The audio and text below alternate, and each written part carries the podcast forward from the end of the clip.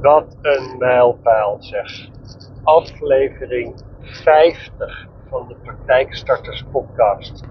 Toen ik hier mee begon, en dat was ergens nou, vorig jaar 22, ik denk in mei, toen uh, ben ik eigenlijk ermee begonnen omdat ik dacht van, ik heb zoveel verhalen te delen van, van dingen die ik meemaak tijdens mijn werk en in het veld. En, en ik zat heel veel mensen steeds hetzelfde verhaal te vertellen. En toen dacht ik van, hoe, hoe leg ik dat nou vast op een manier dat, iedereen er wat aan heeft? Nou, en, en uh, zo werd eigenlijk de Praktijkstarters podcast geboren. Uh, en ik, ik had gelijk als iets van, nou, het moet gewoon een, een, naam hebben die de lading dekt. Niet al te moeilijk, uh, iedereen moet het kunnen onthouden. En dus zodoende dacht ik, nou, waarom niet gewoon de Praktijkstarters podcast? En dat is het geworden. Nou, en nu, bijna een jaar verder, uh, aflevering 50. Er staat inmiddels al, ik geloof al bijna 17 uur aan podcast online. Ik zag, ik heb net even in de statistiek gekeken. Ik heb een heel beperkte statistiek hoor. Maar nou, het is toch al 4200 keer is er gedownload. Nou, dus, nou, ik bereik toch wel, wel veel mensen. Dat vind ik echt. Dat alleen al, daar doe ik het voor natuurlijk. Echt super. Nou ja, en mijn bedrijf, Secondent, bestaat 1 juli drie jaar. Dus het leek mij mooi, dat heb ik bij aflevering 25 ook gedaan, om uh, vandaag weer eens met jullie wat te delen over uh, ondernemerschap en, en, dingen die ik, die ik uh, meegemaakt en, en, anders, misschien anders had kunnen doen of anders had willen doen.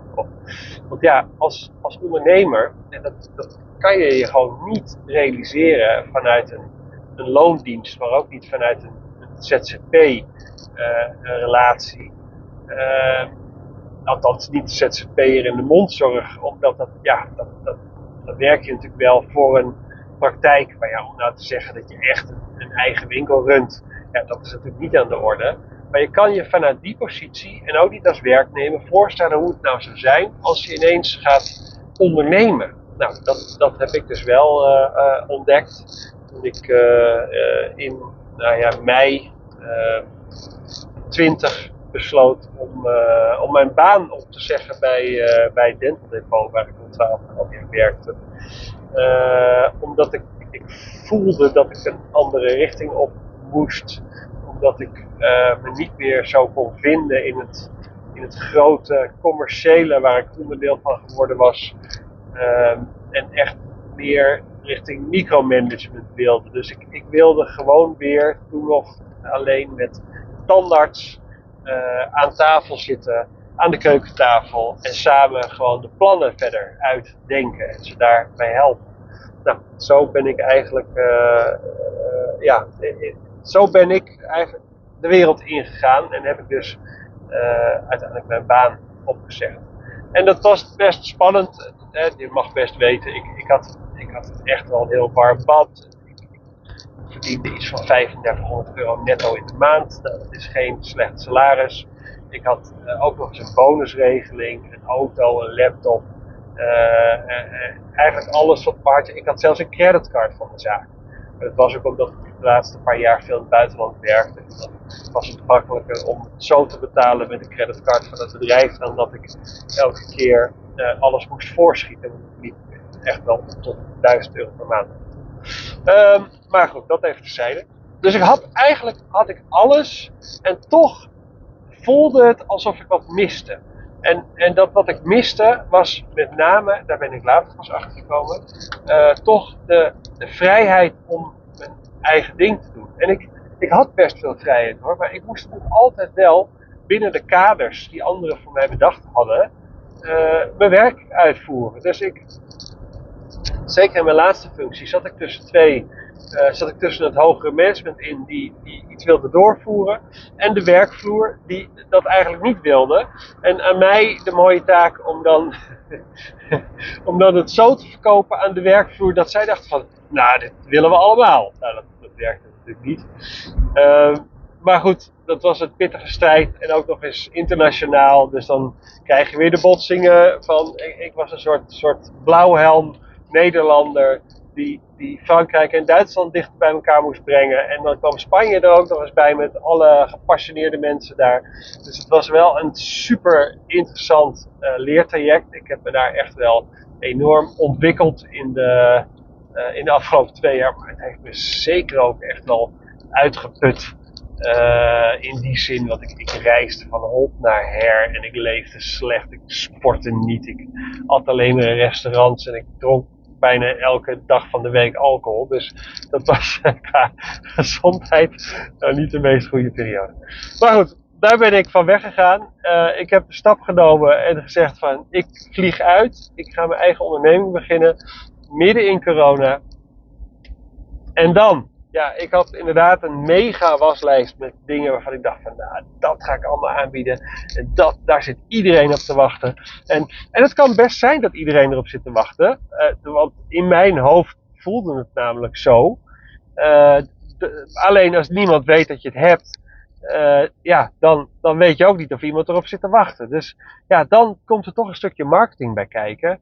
En, en, en ja, je, moet zichtbaar zijn. Je moet wel mensen vertellen wat je dan precies gaat doen. En pas later, dat, dat leerde ik eigenlijk pas vorig jaar, dus, dus na, uh, nou ja, ruim anderhalf jaar ondernemer, bijna twee jaar ondernemer, kwam ik erachter van, hé, hey, je, moet, je moet bepaalde keuzes maken in, in voor wie je er nou precies bent en, en wat je voor die mensen wilt doen. Want ik, ik richtte me eerst op tandartsen, toen kwam ik al snel uh, in contact met de eerste multigenist die ik mocht begeleiden met haar eigen praktijk. Nou, dat beviel me eigenlijk zo goed, want ze was super uh, ondernemend, voorbereid. we waren echt een supersterk team. Nou, en via haar kwam ik weer in contact met de volgende multigenist en zo ging het eigenlijk verder. Um, dus ik, gaandeweg was het al een beetje zo gekomen dat ik op een gegeven moment meer multigenisten als klant had dan tandarts. Dus ik heb um, in ja, januari vorig jaar, januari 22, heb ik een, uh, heb ik een training gevolgd voor mijn, voor mijn eigen ontwikkeling. Die heette Liftoff. Uh, en in die training leerde je heel bewust kiezen voor een uh, bepaalde doelgroep. en je producten nog een keer herzien. En je zichtbaarheid vergroten. En ervoor zorgen dat je er bent, daar waar jouw klanten zijn. En, en toen heb ik eigenlijk knoop voor mezelf doorgehakt en gezegd van jongens, mijn doelgroep, dat zijn mondhygiënisten. Uh, en daar ga ik op richten. Dus ik begeleid vanaf nu mondhygiënisten die een eigen praktijk starten of over. Nou, daar komt ook echt een uitbreiden en verhuizen bij. Um, dus, dus toen ben pas, na anderhalf jaar of bijna twee jaar, heb ik gezegd van oké, ik maak een keuze in voor wie ik er ben en wat ik dan voor die mensen precies doe. En het het grappige is, het was, nou ja, het was vet eng, want je hebt het idee dat je de halve markt uh, laat liggen. Um, maar doordat ik die keuze maakte en me ook echt daarop ging richten, leerde ik eigenlijk steeds beter uh, wat er nou precies speelde bij die, bij die groep multigenisten. Uh, en, en welke rol ik eventueel daarin zou kunnen aannemen. Dus ik, ook mijn, mijn uitingen op social media, en, en, nou ja, ik ben met name actief op social media en ik ben natuurlijk in deze podcast begonnen, uh, kon ik veel beter benoemen uh, waarom ik denk dat ik een enorme aanvulling kan zijn voor elke multilinguïstieke praktijk nodig En op het moment dat je dat kan benoemen en mensen herkennen zich daarin, dan denken ze: hé, hey, die Remco die zegt toch best wel eens wat zinnige dingen. Laat ik daar eens even mee. Nou, en zo is het eigenlijk gekomen. En, en dit is, ja, we zitten nu in, het is vandaag uh, eh, 8 juni 23. En uh, ja, ik heb, ik heb nu eigenlijk meer klanten dan ooit. Ik heb veel aanwas. Ik heb heel, heel leuke mensen die me benaderen. Uh, en ja, het, is, het, het, groeit, dus het, duurt. Maar dat is, dat is denk ik het, hele mooie van het ondernemen. Het gaat om doorzetten. Het, weet je, als ik één keer iets, iets adverteer, of nee, ik adverteer sowieso niks, soms geld uit te geven. Maar goed, als ik een post doe op uh, neem, neem LinkedIn of, of, Instagram uh, over iets nieuws. En uh, ja, er is ongeveer niemand die dit ziet. Ik moet het blijven herhalen en er blijven, in blijven geloven dat het, ehm, dat, het, dat nuttig is en dat het iets oplevert. En dat heb ik dus laatst gezien, want ik, ik, nou ja, als jullie deze podcast hebben gevolgd, dan weet je ook dat ik een uh, training heb ontwikkeld uh, waarbij ik een groep Montigenisten uh, wil, uh, alles wil gaan bijbrengen over wat komt er daarbij kijken als je een eigen praktijk gaat starten. Uh, die training, daar was ik mee bezig om, om te gaan schrijven en ik ben hem gaan promoten. Maar goed, er gebeurde eigenlijk zoveel in mijn leven op dat moment uh, dat mijn promotie er een beetje bij inschoot. Want uh, nou ja, dan moet je aflevering 40 nog maar eens, ja, volgens mij is het. Oh nee, aflevering 45 is volgens mij. Het is een hele persoonlijke. Die gaat over, over een paar vrienden van mij die mijn leeftijd zijn, dus 46 jaar. En helaas geconfronteerd worden met kanker. en een van, hem is, een van hen is inmiddels overleden. En die andere die is ook niet meer te genezen. Dus daar zijn ze nu een traject mee begonnen om uh, nou, in ieder geval zijn leven te verlengen. Op een manier dat het voor hem ook oké is. En dan denk ik, ja, verdorie, 46 jaar. Dan heb je het idee dat je je hele leven voor je hebt. En dan is het ineens, dan is het ineens over. Nou ja, dat, weet je, die, die jongen die daar nu mee te maken heeft, dat is Maarten. En Maarten is een vriend van mij. Ik ken Maarten al 30 jaar, echt al heel lang. Ik ben laatst bij hem langs geweest. Hij was gelukkig nog zo positief als altijd, maar je zag gewoon aan hem dat hij het echt gewoon zwaar heeft. Het is gewoon pittig. Hij is sowieso niet gewend om in een slachtofferrol te zitten. Um, want hij is altijd degene die voor anderen zorgt. En nu moet, er, ineens voor hem gezorgd worden. Dus je merkte dat, dat, dat hij zich in die rol al niet prettig voelt. Maar dan denk ik, ja, en dan ben je 46 dan. En dan houdt het op. Dus nou ja, dat greep mij persoonlijk heel erg aan. Uh, waardoor ik dacht van ja, training, uh, boeien. En dat is natuurlijk zakelijk gezien helemaal niet handig. Uh, maar ik, ik had er gewoon eventjes dacht van, ik vind dit even belangrijk om ook mee bezig te zijn. Dus ik heb daar mijn aandacht meer aan gegeven. Uh, en ik had dus een verbouwing thuis. En die verbouwing, dat hadden we ons op ingesteld. Maar je, je, kan je er nog zo op instellen. Maar het is toch altijd weer anders dan verwacht. En we hebben beide een maand met z'n, met z'n vieren boven geleefd. En een bed gegeten. En een bed met z'n allen tv gekeken. En het, het hakte weer in. En ik, alles had stof en nog eens stof en nog eens stof. En elke keer als ik mijn laptop had afgestoft, dan zat er nog meer stof op. En ik werd er helemaal gestoord van. Dus dat heeft een best wel een pittige impact gehad. Dat had ik niet verwacht. Um, dus ook daar. Dus ja, ik had een beetje iets van, nou, weet je, die training. Nou, en, en toen kreeg ik twee aanmeldingen. Nou, daar was ik op zich heel blij mee. Maar ik had wel bedacht van, ik moet eigenlijk wel zes hebben om van start te gaan. Want ja, anders heb je ook geen groepselement. En dat maakt het juist zo leuk. Uh, want het was een mix tussen uh, uh, enerzijds individuele dingen. Want er zijn natuurlijk altijd dingen die je voor jezelf wil houden. Nou, die, ik had bedacht, nou, die spreek, bespreek ik dan met de kandidaten apart. Dat gaan we niet in een groep doen. Uh, en je hebt natuurlijk groepsdingen. Want als groep kan je elkaar enorm versterken en, en uh, leuk met elkaar sparren. En ik denk, dan moet ik wel minimaal zes mensen bij elkaar hebben om dat te doen. Um, dus ik had twee aanmeldingen. Toen dacht ik, ja, of ik doe, ik kan twee dingen doen. Of ik ga er echt enorm veel promotie tegenaan gooien. Uh, maar ik, ik had daar gewoon even de energie niet meer voor door al, alles wat er gebeurde, zeg maar. Uh, ja, of ik ga hem gewoon annuleren. En nou, ik heb het tweede gedaan, ik heb hem geannuleerd. En het, bijzondere was, ik had hem dus net geannuleerd. Nee, dat is natuurlijk sowieso, ga ik heus wel iets voor die mensen doen die zich gaan aangemeld.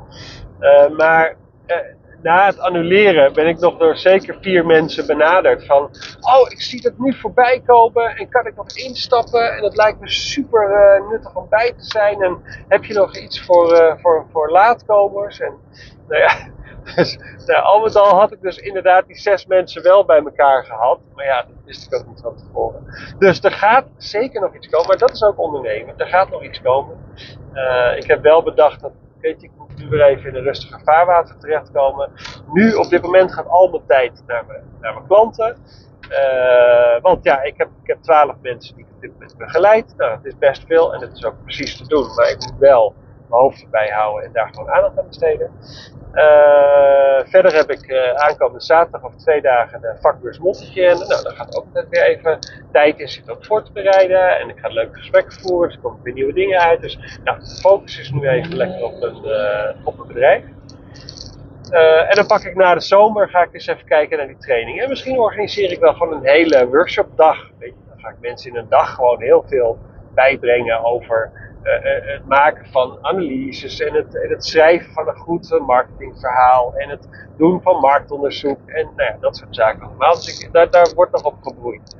Maar ja, toen ik toen drie jaar geleden begon, bijna drie jaar geleden, toen dacht ik in het begin van, ah, oh, mijn bedrijfsnaam is zo wijs belangrijk en mijn website is zo wijs belangrijk. Dus zeker in het begin uh, was ik nog in loondienst. Ik had natuurlijk opgezegd, nou heb je een maand opzegtermijn. Dus ik, ik uh, in de avonturen aan mijn website werken. En ik moest nog een bedrijfsnaam bedenken, want ik moest naar de Kamer van. En, en, het is, en later ben ik dus af. Het is zo niet belangrijk.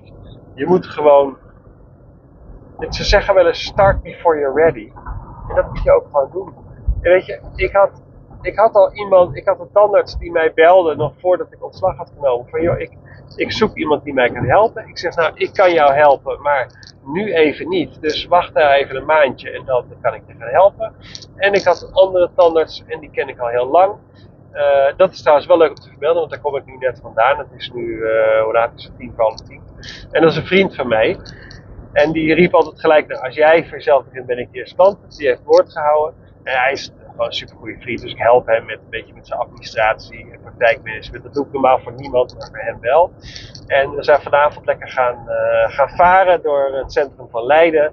Biertje erbij, uh, pizza gehaald, bootje aangelegd, pizza gehaald, ijsje gehaald.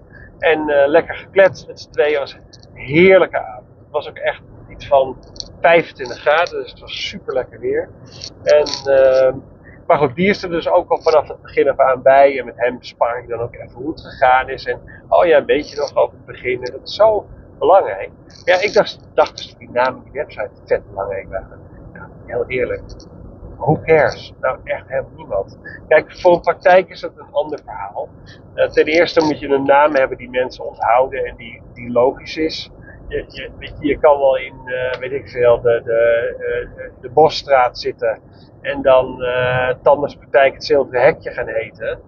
Um, maar gaan mensen het nou onthouden. Dus ja, hou het gewoon simpel en herkenbaar. En zeker als je mensen uit de buurt wil bereiken, bedenk een naam die ze aanspreekt. Misschien waarvan ze denken, oh ja, dat past ook gewoon bij onze buurt. Weet je, als, als iets de wijk, het ooievaarsnest heet, noem het dan Tanderspraktijk het ooievaarsnest. Waarom niet? Nou ja, Kijk, en ik, ik moest ook een bedrijfsnaam bedenken. Dus ik dacht, en ik ben er nog steeds blij mee. Ik dacht, wat ga ik nou eigenlijk doen? Nou, ik ga mensen, uh, mondzorgprofessionals, dus de standaardse mondhygiënisten. Uh, ik heb inmiddels ook contact met tandpatheticus trouwens, dat is ook wel weer leuk. Uh, die ga ik helpen met ondernemen. Dat is het idee. Ik denk, nou, wat is nou een ander woord voor helper? nou, secondant. Dus dus ik zoek, uh, ik ga verkoophandel. Nou, secondant bestaat al. Iemand had al dat bedrijf. Die heet zo. En, en die domeinnaam was ook niet beschikbaar. En toen dacht ik van, hé, hey, maar ik blijf in de mondzorg. Dus als ik nou van die dant dent nou, kom secondent. Uh, dat bestond nog niet. Er was alleen één bedrijf in Duitsland dat ook zo heet. Uh, die man doet ook volgens mij iets van begeleiding van, uh, van. Nou, ik denk prima, dat wordt het. Ik heb dan eind ja, eind 22 zat ik een beetje in de twijfelfase. Ja, weet je, niemand kent eigenlijk die naam secondent. En, maar dat is ook omdat ik het eigenlijk nooit zo uitspreek, dus, dat heeft er mee te maken. En, en dus ik had contact met twee dames die, die marketing. En die gingen een beetje met me sparren. En ik zei, joh, waarom niet? Ik Remco, praktijkadvies. Dus op een gegeven moment kwamen we op praktijkadvies Remco. Ik dacht, nou, dat klinkt eigenlijk ook wel lekker.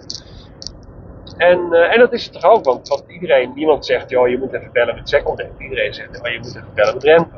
Dus dat lag wel in lijn met, um, ja, met mijn bedrijf natuurlijk. Um, maar ja, later dacht ik ja, is dat het nou?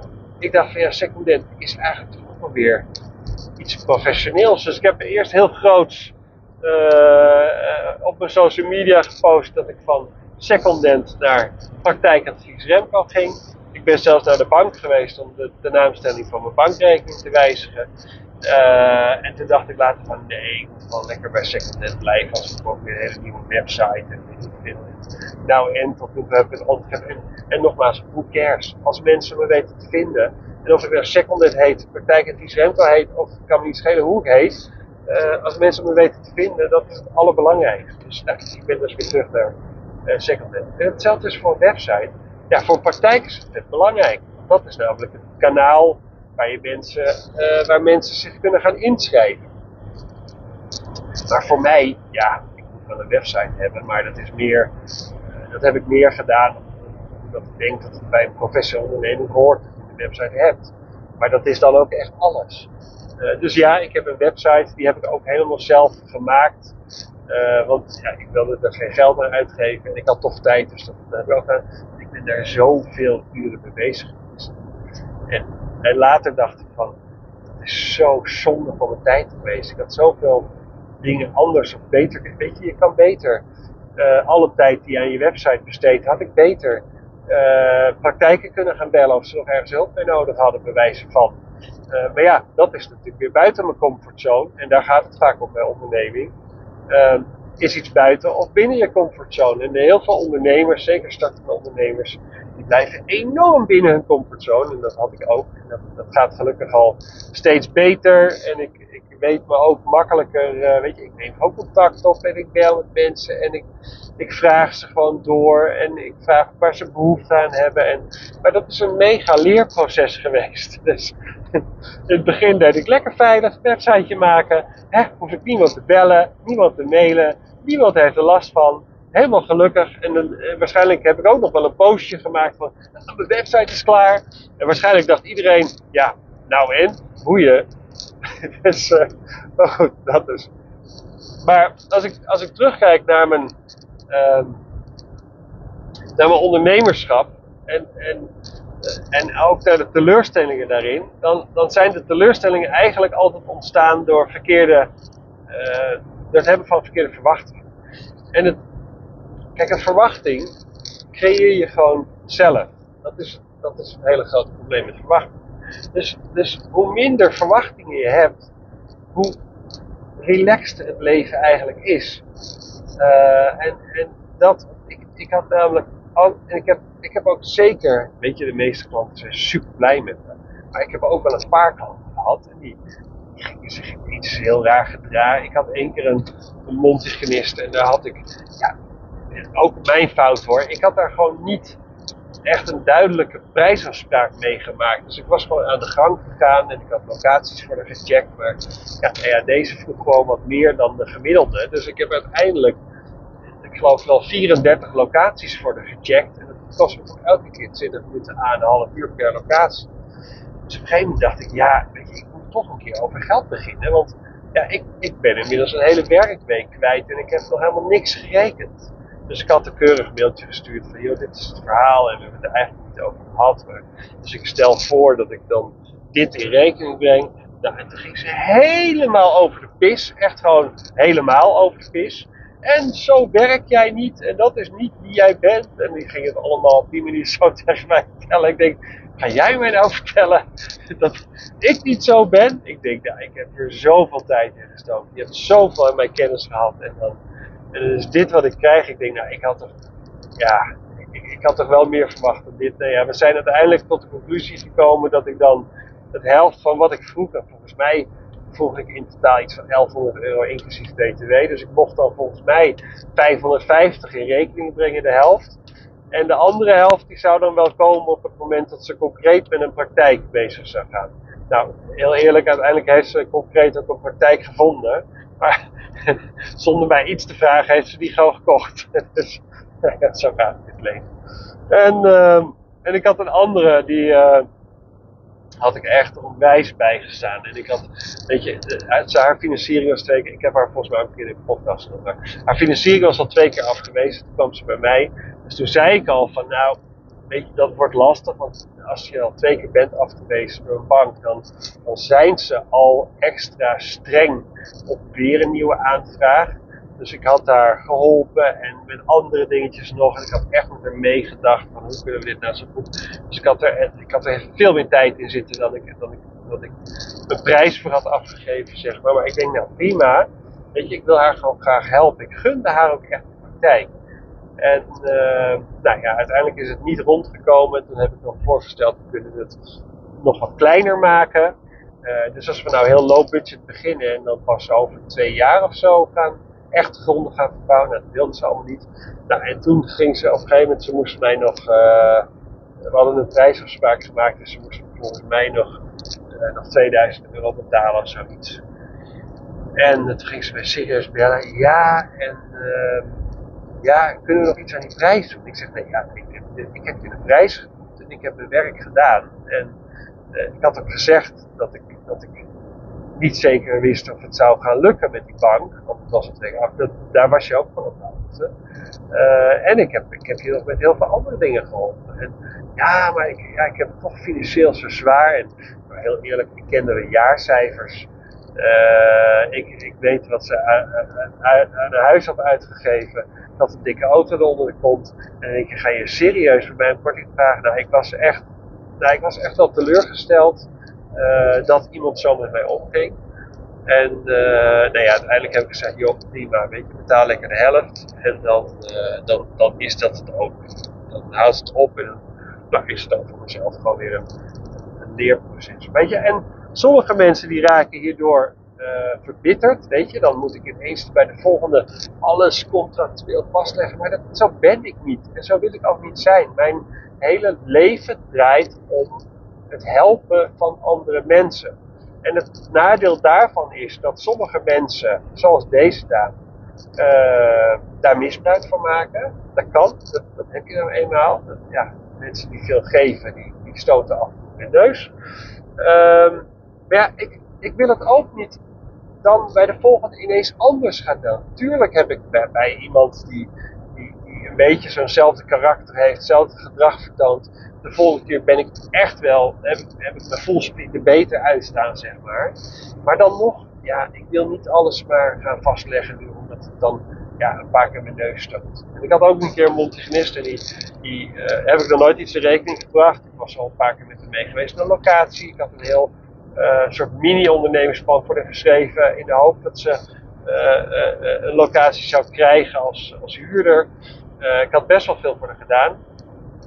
En op een gegeven moment werd ik benaderd door een andere mondgenist en die wilde haar praktijk verkopen of ik haar kon begeleiden. Normaal doe ik geen verkoop, maar het leek erop dat ze al een koper had. Ik zeg, joh, als jullie het met elkaar eens worden, dan, dan kan ik gewoon wel de, de documenten opstellen. En je, dat is allemaal geen probleem. Dan zie ik ook echt als een verkoop, maar dan ben ik een soort, soort mediator die er tussen hangt. Maar die mondhygiënist die ik dus al een paar keer had geholpen, dat bleek dus een van de kandidaten te zijn die interesse had in die praktijk. Maar dat wist ik niet. Nou, en op een gegeven moment, en die werd gewoon op een gegeven moment serieus boos op mij. Ja, maar nu sta je aan de kant van de, van de verkoper en, en nu heb ik geen uh, adviseur meer. Uh, en wat moet ik nou? En ik, ik, echt, ik werd gewoon uitgevoerd dat ik dacht van oké. En toen dacht ik later wel, en ik heb ook excuses gemaakt. Ik zeg oké, ik had waarschijnlijk op het moment dat ik dit hoorde, dat jij inderdaad de rest van de praktijk ja, had ik wellicht kunnen zeggen tegen de verkoper: sorry, maar ik kan je niet begeleiden, want ik heb uh, contact al, ik ben de adviseur. Ja, zo'n officiële opdracht had ik daar nooit echt van gekregen, want ik ben adviseur van een van de kandidaten. Nou, ik zeg ja, dat, dat heb ik dan misschien verkeerd ingeschat, uh, ook omdat ik dacht dat het gewoon een soort mediation project zou zijn. Nou, daar heb ik ook mijn excuses voor gemaakt. En um, ja, we zijn er eigenlijk nooit meer, uh, we zijn er eigenlijk nooit meer uitgekomen. Uh, ja, zij was echt serieus kwaad. Dus ik denk, nou ja, oké, dat is dat ook maar, dan is dat ook maar wat het is. Dus ja, helaas heb je dat toch mee te maken. Ik moet hem even op pauze zetten, want ik word gebeld tussendoor. Ja, daar ben ik weer. Ja, nee, ik, ik, normaal krijg ik nooit telefoontjes tussendoor. Maar dit was Carola met een belangrijke boodschap. Want ze zegt, waar ben jij? Ik zeg, nou, bijna thuis. Ik rij nu langs het AZ-stadion, want ik woon. En uh, ze zegt, mooi, kan je dan nog even een McCroket meenemen? Nou, dus je raadt nooit waar ik nu ben. De McDonald's. Maar uh, ik wilde toch afronden. Uh, waar het op neerkomt, is dat er altijd mensen op je pad komen uh, die het je lastig maken. Of waardoor je even uit het veld bent geslagen. Nou ja, zo erg hoeft dat ook weer niet te zijn. Maar het is wel een teleurstelling. Zeker als je uh, voor je gevoel uh, er alles aan hebt gedaan om iemand echt uh, te helpen. En dat geldt natuurlijk voor mijn onderneming, maar dat geldt voor jou als, als mondzorgverlener natuurlijk precies hetzelfde. Um, ja, en dat je op die manier dan eigenlijk gewoon, uh, ja, dat er toch ja, misbruik van je gemaakt wordt. En, en dat is dan gewoon op dat moment even een teleurstelling. Ik probeer me altijd wel te verplaatsen in de ander. Om te kijken joh, had ik, wat had ik er nou anders aan kunnen doen om het duidelijker te maken? Of hoe moet ik hier de volgende keer mee omgaan? Ja, het is toch wel belangrijk dat je ook gewoon uh, naar jezelf blijft kijken van, ja, hoe kan ik dit nou de volgende keer anders doen? Dat we dit gedoe niet meer hebben. Maar ja, weet je, hoe drukker je bedrijf, hoe drukker je praktijk. Maakt niet uit hoe drukker. Je krijgt altijd meer gedoe. Een onderneming is uiteindelijk altijd gedoe. Dus als jij het vet druk hebt, maar een hele mooie omzet draait, superveel patiënten hebt, ja, daar zit er altijd meer gedoe bij dan dat je bij heel weinig patiënten hebt, maar dan kom je misschien niet uit. Dus de boodschap is vooral, ga gewoon door. Zet door. Had ik met die podcast ook. In het begin dacht ik, er luistert echt geen hond naar. Nou, en dat is misschien ook wel zo. Uh, en misschien is het, als je kijkt naar een hele professionele podcast, ook nog niet uh, om, echt iets naar huis te schrijven, zeg maar. Ja, ik heb er onwijs veel plezier aan om hier een beetje in mijn eentje tegen zo'n microfoon zitten te lullen. En ik, joh, er komen absoluut interviews aan, dus ik ga ook weer interviews doen. Maar ik vind het ook gewoon leuk om te kletsen en verhalen te vertellen. En, en jullie iets te leren over wat ik heb meegemaakt en hoe ik tegen dingen aankijk. Ik denk dat het gewoon belangrijk is en dat het jou helpt ook als, als, als toekomstig ondernemer uh, om te denken, joh, ik, het, het, ligt niet, het ligt niet allemaal aan mij. Dit, zijn gewoon dingen die bij ondernemerschap horen. Nou, dat wilde ik ook vooral doen. Um, en je moet, je moet gewoon blijven doorgaan en blijven proberen. En hetzelfde geldt voor, voor het krijgen van patiënten. Ga kijken. Ten eerste, als het goed is, heb je nu voldoende podcast geluisterd om echt voor jezelf te weten wie is nou mijn ideale patiënt. En vraag jezelf dan af, waar is die ideale patiënt van mij nou eigenlijk? Want ja, als jij de verkeerde plek zoekt, dan ga je ze niet bereiken. en ik had van de week uh, was ik bij uh, twee langs en die heb ik geholpen met het opzetten van de praktijk. Die zijn nu net van start. Ja, die zijn al bij de plaatselijke drogist geweest. Daar nieten ze hun kaartje vast aan uh, een testertje tandpasta of ze dat uh, mochten neerzetten en weggeven. Die gaan bij scholen staan, gaan ze hetzelfde gewoon uitdelen, tandpasta. Die gaan bij winkelcentra staan, uitdelen, tandpasta met kaartje erop. Dan zien ze gelijk in gezicht. Die doen er alles aan dat zij zijn waar hun toekomstige patiënt ook is. En dat ze weten dat ze daar zijn gestart. Ja, ik heb ook mondhygiënisten, maar ook tandartsen gesproken. Die beginnen de praktijk. Die gaan binnen zitten en die gaan zitten wachten tot de klant, tot die patiënt maar naar binnen komen. Dat werkt dus niet. Dat is hetzelfde als dat ik in het begin met mijn website bezig was. Ik kan, ik kan wel een hele maand aan mijn website werken en dan ziet hij er waarschijnlijk fantastisch uit. Maar heb ik er, ga ik daar een klant mee binnenhalen? Nou, echt helemaal geen één. Dus dat maakt niet dat ik, dat ik klanten ga krijgen. En datzelfde geldt voor jouw praktijk. Dus daar moet je vooral iets ondernemen is een werkwoord. Dus je moet echt ook ermee bezig met kijken waar is mijn klant en hoe ga ik ervoor zorgen dat zij weten dat ik er ben. En dat is wat ik nu ook doe. Ik ga ook naar de vakbeurs mondhygiëne. Want mijn potentiële klanten, maar ook klanten die ik al heb bediend, die zijn daar ook op de vakbeurs. Ik wil ook nog een keer een artikel gaan schrijven voor het, uh, voor het maandblad van, van de NVM. Weet je, ik zorg ervoor dat ik aanwezig ben waar mijn waar mijn potentiële klanten zijn en dat die uh, mij beter leren kennen. Hè, en beter leren kennen, dat doe je niet alleen maar door, door tekstjes schrijven, dat doe je ook door filmpjes voor jezelf op te nemen. Dat doe je ook uh, misschien dus wel om een podcast te beginnen. want ik, ik, ik had laatst wel eens iemand die zegt, Oh ja, dat is zo raar. Ik heb bijna al je podcast geluisterd en ik zit nu ineens tegenover me. Nou, dat is echt. ik voelde me helemaal een ster, zeg maar. Nou ja, dus, dus doe ook meer dan alleen maar typen en zitten wachten. Ga actief op zoek. Nou, dat is, dat is denk ik voor ondernemerschap de belangrijkste boodschap. Wie is jouw ideale klant slash patiënt? Waar zijn die mensen? Uh, en zorg ervoor dat jij er ook bent en dat ze jou leren kennen op verschillende manieren. En dan krijg je de, het vertrouwen dat ze naar je, naar je toe komen. En zet door. Laat het niet bij één keer. Doe het nog een keer en nog een keer en nog een keer. En je zal zien hoe vaak je doet. Ten eerste hoe makkelijk het voor jezelf is. Want de eerste keer voelt het natuurlijk vet gek en heel erg buiten je comfortzone. En je hebt het idee dat je in je ondergoed staat, waarschijnlijk op een, uh, op een druk plein. Maar de tweede keer denk je, ontdek je al van, hé, uh, hey, een stuk lekkerder. En zo had mijn zoontje bijvoorbeeld ook angst. Uh, van het weekend waren we eventjes op het strand. Ja, en hij was zich een beetje aan het vervelen. En we hadden al met de bal gespeeld. Maar er was een jongetje naast ons, die was zich ook aan het vervelen. Ik zeg, joh, ga er even heen. Ga even aan hem vragen of hij wil voetballen. Ja, nee, dat durf ik niet. Ik zeg, durf je dat niet of lijkt je het niet leuk? Nee, het lijkt me wel leuk, maar ik durf het niet. Nou, prima, toen ben ik met hem meegegaan. En dan heb ik het voorgedaan. Nou, dat jongetje reageerde helemaal enthousiast van, ja, dat wil ik wel.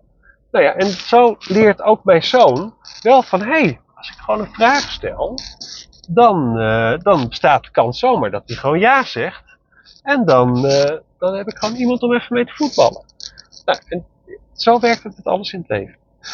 Dus ja, ik hou op hoor, want ik, eh, ik, je, je weet inmiddels, ik klets zomaar uh, drie uur vol. En, en nou ja, die tijd heb je vast niet uh, voor me.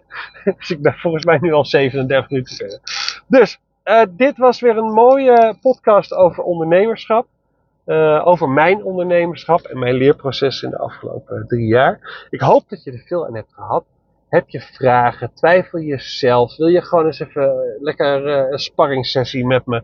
Dat is hartstikke gratis. Ga even naar mijn website www.secondent.nl en plan gewoon een afspraak in. En dan gaan we het erover hebben. Dan gaan we gewoon eens even die valkuilen van jou bespreken en kijken wat we daarmee kunnen. Nou, hoe cool is dat?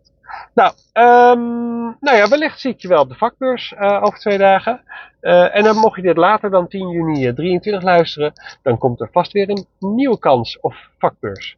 Ik spreek jullie weer. Tot de volgende.